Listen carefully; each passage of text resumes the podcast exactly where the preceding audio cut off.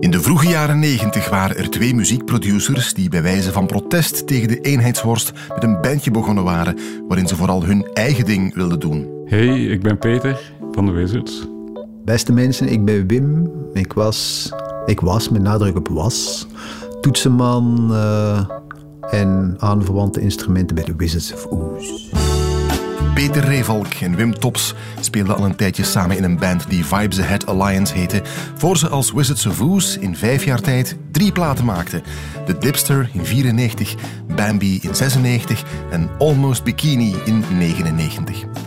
Die drie platen zijn nu, in 2017, opnieuw verschenen op vinyl, samen met een EP waar demo's en outtakes op staan. En dat is een perfecte aanleiding om met Peter en Wim de geschiedenis van de Wizards in te duiken. Het was een heel veelzijdige groep en dat hoor je heel goed aan de dubbele single Trippin' on a Fuzzball. Daarom in deze mastertrack niet één, maar wel twee liedjes. In deze episode van Mastertrack Trippin' and Fuzzball van The Wizards of Oz.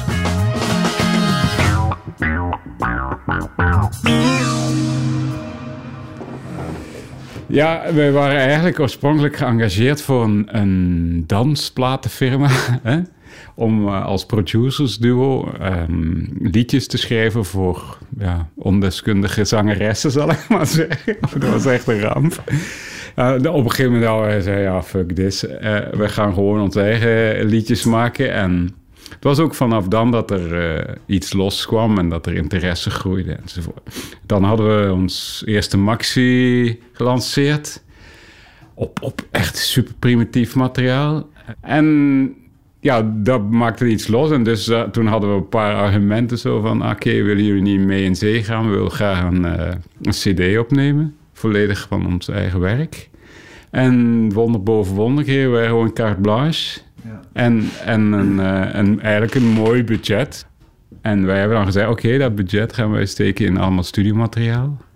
En we bouwen onze bescheiden studio daarvan. En daar doen we het mee.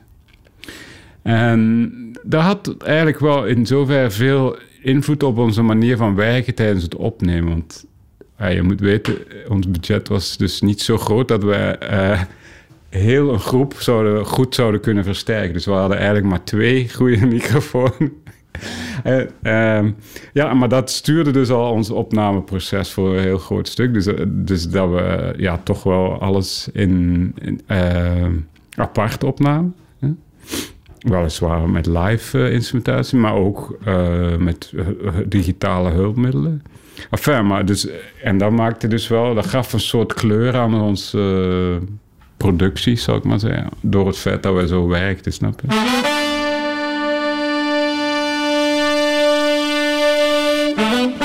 Die twee nummers zijn sowieso opgenomen met heel weinig microfoons.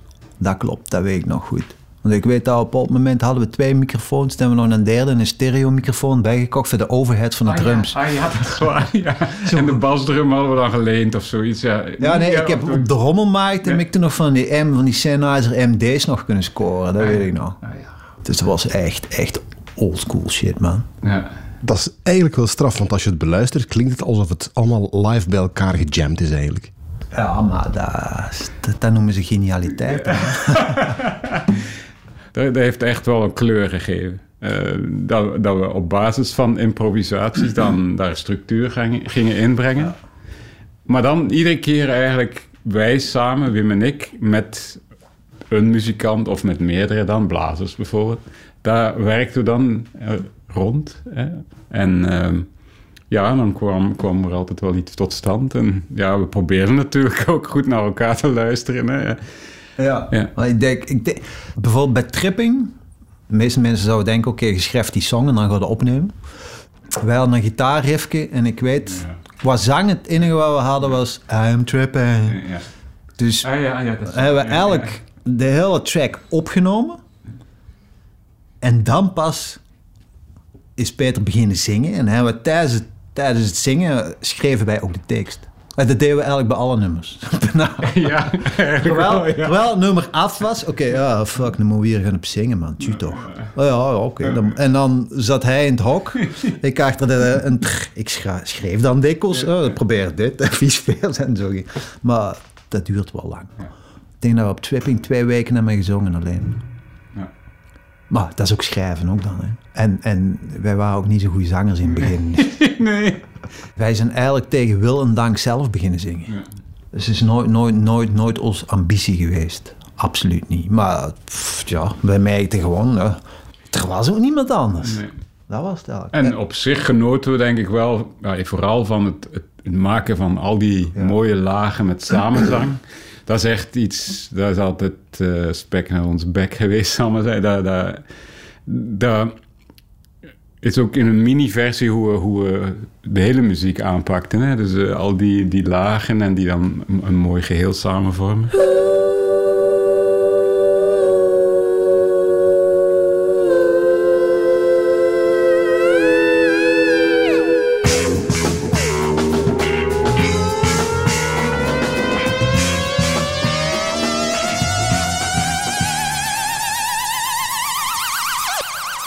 Qua zang was dat fantastisch dat, dat we dat konden hè, en dat we de middelen eindelijk hadden om, om dat te verwezenlijken.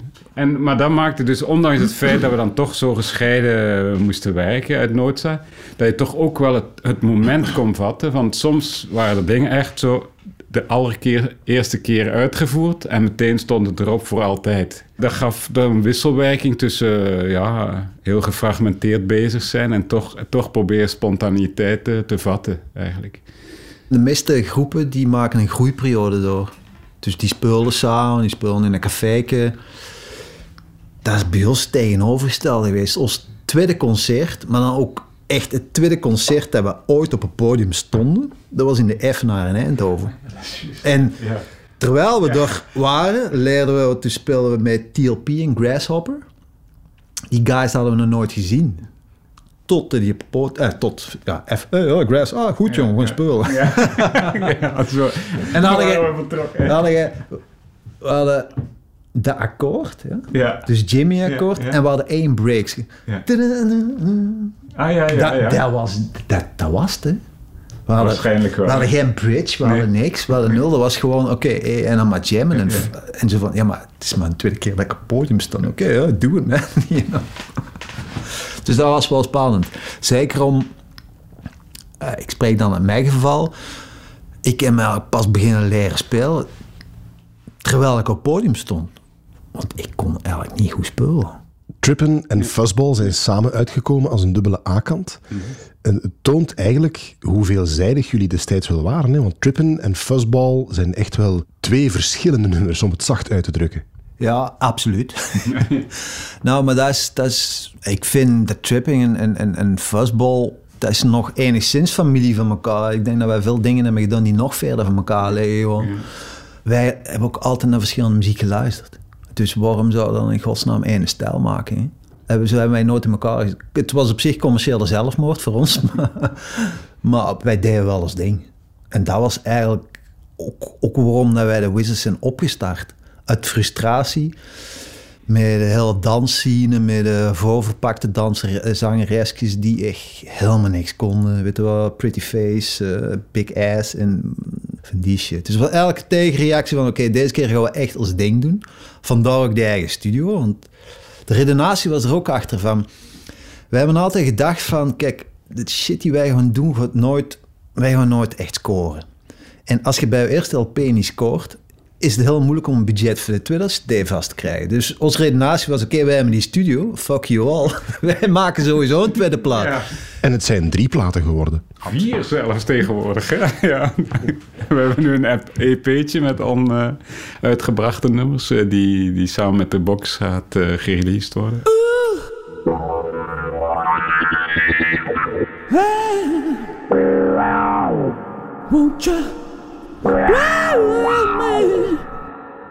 Nu moet ik zeggen, ik denk dat toch altijd... ehm, allee, dat er heel veel soul, funk, jazz aan de basis ligt van veel ideeën. Ja. Maar daar kwam toch ook wel een serieuze scheut eh, psychedelica en elektronica enzovoort om de hoek kijken. Ehm, maar, dat, maar daar hoor je meer op onze andere platen dan, dan de dipster dan. ja. Dat was eigenlijk meer onze lenteplaat of zo, denk ik. Dat redelijk toegankelijk. Ja. Ja. De meest samenhangende plaat, denk ik, de tipster. Terwijl Bambi's tweede LP is denk ik meer Wizards. ook compleet commerciële zelfmoord. maar wel eens meer ons, volgens mij. Oh wel, ja. Dipster ook. ja. Dat, eh, momentopnames, maar Ja, hè. ja. Mensen zijn ook van dikwijls, ja, waarom maakt geen, geen vervolg op de dipster? Waarom blijft er niet zo funky, souly, die shit? Ja, maar als je dat hebt gehad, dan wilde verder. Hè? Weet je, die, die, ehm, de fuzzball bijvoorbeeld, dat is eigenlijk gegroeid. Dat is echt van, vanuit het allerbegin dat we begonnen te spelen met de, met de groep. Toen heette dan nog Vibes Head Alliance. En dat heette Midelux. Midelux. heette dat. Mi eh, van de noot, mi. Hè? Niet van, eh, van ik, maar hè? gewoon E. En ja, eigenlijk is dat gewoon een... ehm, ja, dat gaat eigenlijk verder mee op een typisch eh, eh, Jimi Hendrix akkoordje. Dit, Hè? Ja, dat, dat is ja, daar is dat uitgegroeid. Maar het- wat leuk is daar aan, de, aan dat akkoord, en dat is ook iets wat, wat altijd is blijven bestaan in alle nummers, is ehm, eigenlijk heb je daar een mix van mineur en majeur in één akkoord. Ehm wat eigenlijk het maakt dat, dat je als solist ook in die twee toonladders kunt spelen eigenlijk. en dat je een soort vrijheid krijgt. ehm, ja, die, die ons in ieder geval heel hard aansprak. Hè. Want ik weet, in later staan heb ik, heb ik allee, die, ben ik nog blijven verder gaan op die techniek. En dat soms muzikanten die dan zo wat meer scholing hadden of zo. Zo, fuck, fuck, je zit daar mineur over majeur te spelen of andersom. Dat ze dat niet goed begrepen. En, maar dat is iets wat, wat Wim en ik altijd hebben gedeeld. Dus die liefde om dat door elkaar te breien, blijkbaar. En, nu, nu, en dat, dat akkoordje is daar een goed voorbeeld van. Ehm, ja, dat heeft sowieso een, een soort ja, oerkracht of zo, dat, dat, dat akkoord. Ja, dat is ook in de laagste noot van je gitaar zo. Dat, maar ja, en dat dan natuurlijk gecombineerd met de wah-wah-pedaal. Dat was het eerste effectje wat ik eh, ooit heb gekocht. En ja, nou ja, en toen was de toon gezet voor dat nummer, Fuzzball. Ehm,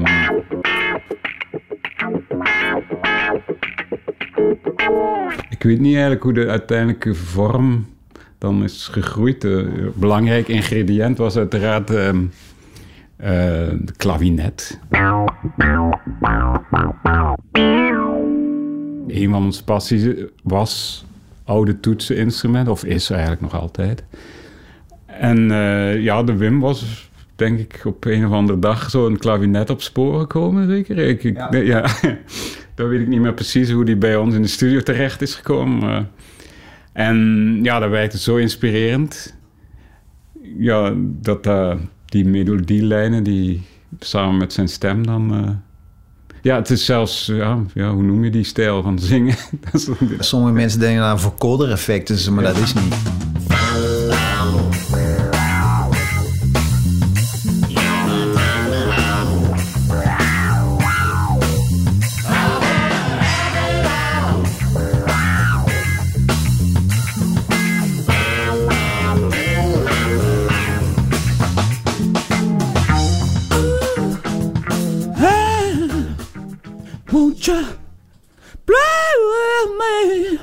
Kijk, we hadden pas een studio we hadden- en we vonden zo wat van die oude instrumentjes, dus voor ons was dat ook allemaal nieuw. Ja. Dus we begonnen dan met te experimenteren met, met, met die toestanden gewoon. En dat, dat was heel prettig, want ik weet zo die, die, dat heel fuzzball-gedoe, eh, ja... Ik denk dat we zelf een beetje verbaasd waren. Fuck man, dat is cool, wow. en ik, ik denk ook meer dat... Want merk bijvoorbeeld de drums van fuzzball... Ja, ik vind dat niet echt goed klinken. Maar dat- Achteraf, ja. Achteraf, maar dat was, ik denk dat is de tweede, de tweede drumpartij die wij ooit opnamen in ons leven. Dus wij moesten alles leren. Hè? Een, een microfoon van een basdrum zetten. En als wij drums opnamen, daar kwam eigenlijk ook meteen een plaat. Dus de Ja. tweede keer dat wij drums opnamen, kwam daar meteen een plaat. Dus dat was echt zo van, wow. Ja. Het, het was, het was heel erg, alles was nieuw. En ook met die muzikantenspel was ook nieuw voor ons. Ja, maar ja, ergens hadden we wel... Allee, dat is dan wel de ervaring om, om, om dingen in elkaar te zetten en weten... eh, eh, een beetje balans brengen in een nummer of in een groove. Hè? En met eh, ups en downs en hoogtepunten enzovoort. Daar, daar hadden we wel al aan gewerkt.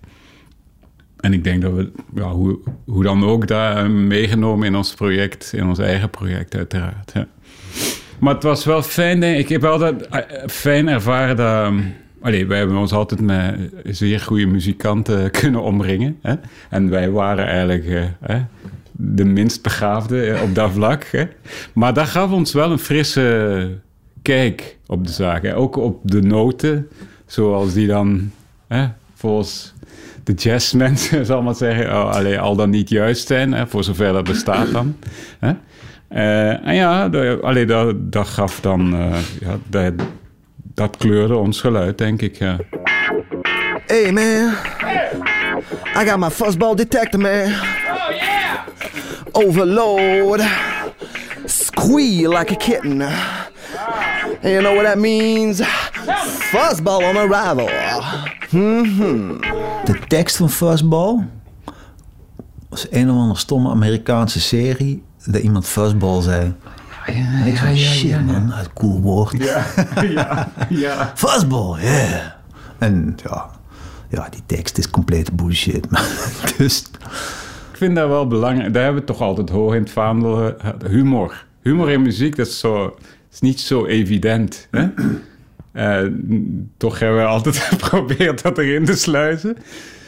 Ja, en ja, ik heb daar geen spijt van, moet ik zeggen. Ja, ja, we, allee, we, op dat moment waren we zeker geen eh, zeer goede klassieke songwriters, zal maar zeggen. Dus ehm, ik denk dat we eerder daarin dan excelleerden dan in, dat, in die andere vormen. Ja, maar, maar het is wel, het is heel moeilijk hè, om eh, humor in muziek. Het is natuurlijk snel ja, vervelend. Als je er dan meerdere keren naar luistert, ja, dat het mopje niet meer leuk is. Maar ik voel me, ik heb daar nooit spijt van, van onze insteek erop, eerlijk gezegd. Nee, staat de tijd wel. bullshit kan ook. Ja. ja. Bullshit kan ook goed werken. Ja. Maar bij, bij tripping is op zich wel anders. De meeste mensen die dat liedje horen, wow, lekker fleurig liedje. Terwijl als je goed naar die tekst luistert, it's pretty fucked up. dat gaat eigenlijk over een slechte relatie. Maar dan op, op. Maar dat is dan ook wel leuk. Dat gaat eigenlijk over een slechte relatie, maar als je dat liedje hoort, eh, pff, ja, niemand staat daarbij stil. Om nogmaals het belang aan te tonen van hoe weinig mensen naar de tekst luisteren. Oh, live tripping, oh, fleurig liedje, man. Maar wel, man, het gaat over fucked up shit, dude. Op zich. Ja. Dus, maar dat, dat vind ik ook wel goed. Dat is dan in zo'n vorm goten dat het ook wel grapt. Eh, Dat is, you know, dat is niet zo van, oh, I miss you baby, you hurt me, al die crap, weet je wel. Dus nee, we hebben dat anders opgelost. Ja. Ja, maar de tripping, ja, dat is, dat is de basis. Is dus, eh, wat als ik het nog weet. nee, nee, deze, deze twee akkoorden. Hè, dus hè, dus hebben we ook in, eigenlijk is dat, vind ik, in heel veel nummers eh, kom, komt eigenlijk die progressie terug in, in allerlei vormen. Maar dit is dan de echte basis. Ehm, ja, en die lenen zich ook fantastisch om, om van alles mee te doen. En, en e- eerlijk gezegd, dat is ook weer een afwisseling tussen een heel erg majeurakkoord, deze, en dan een mineur. Blijkbaar is dat toch iets wa- wat heel veel nummers van ons in zich dragen. Dat is wel Ja. af, man. Ja. Ik heb er zo nooit over nagedacht. Nee, nee. maar dat je het zegt. Ja.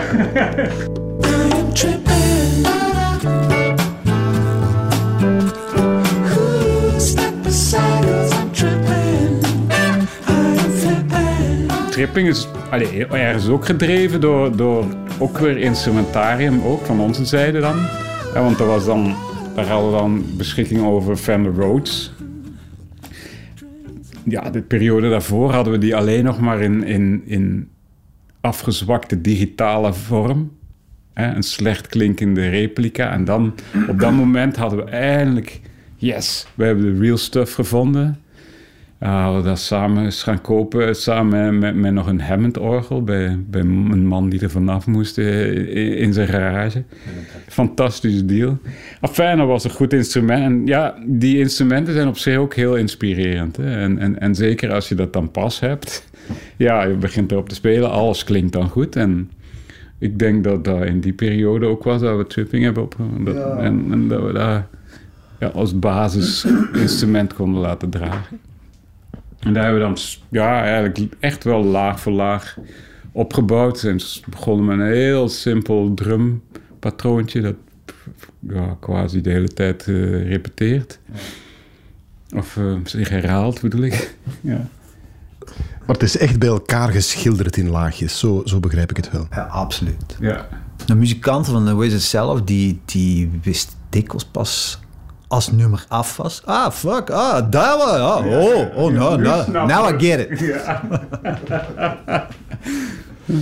Ja, ja, vooral de Bruno, hè, een drummer, ja, omdat die dus eerste was bij alle nummers.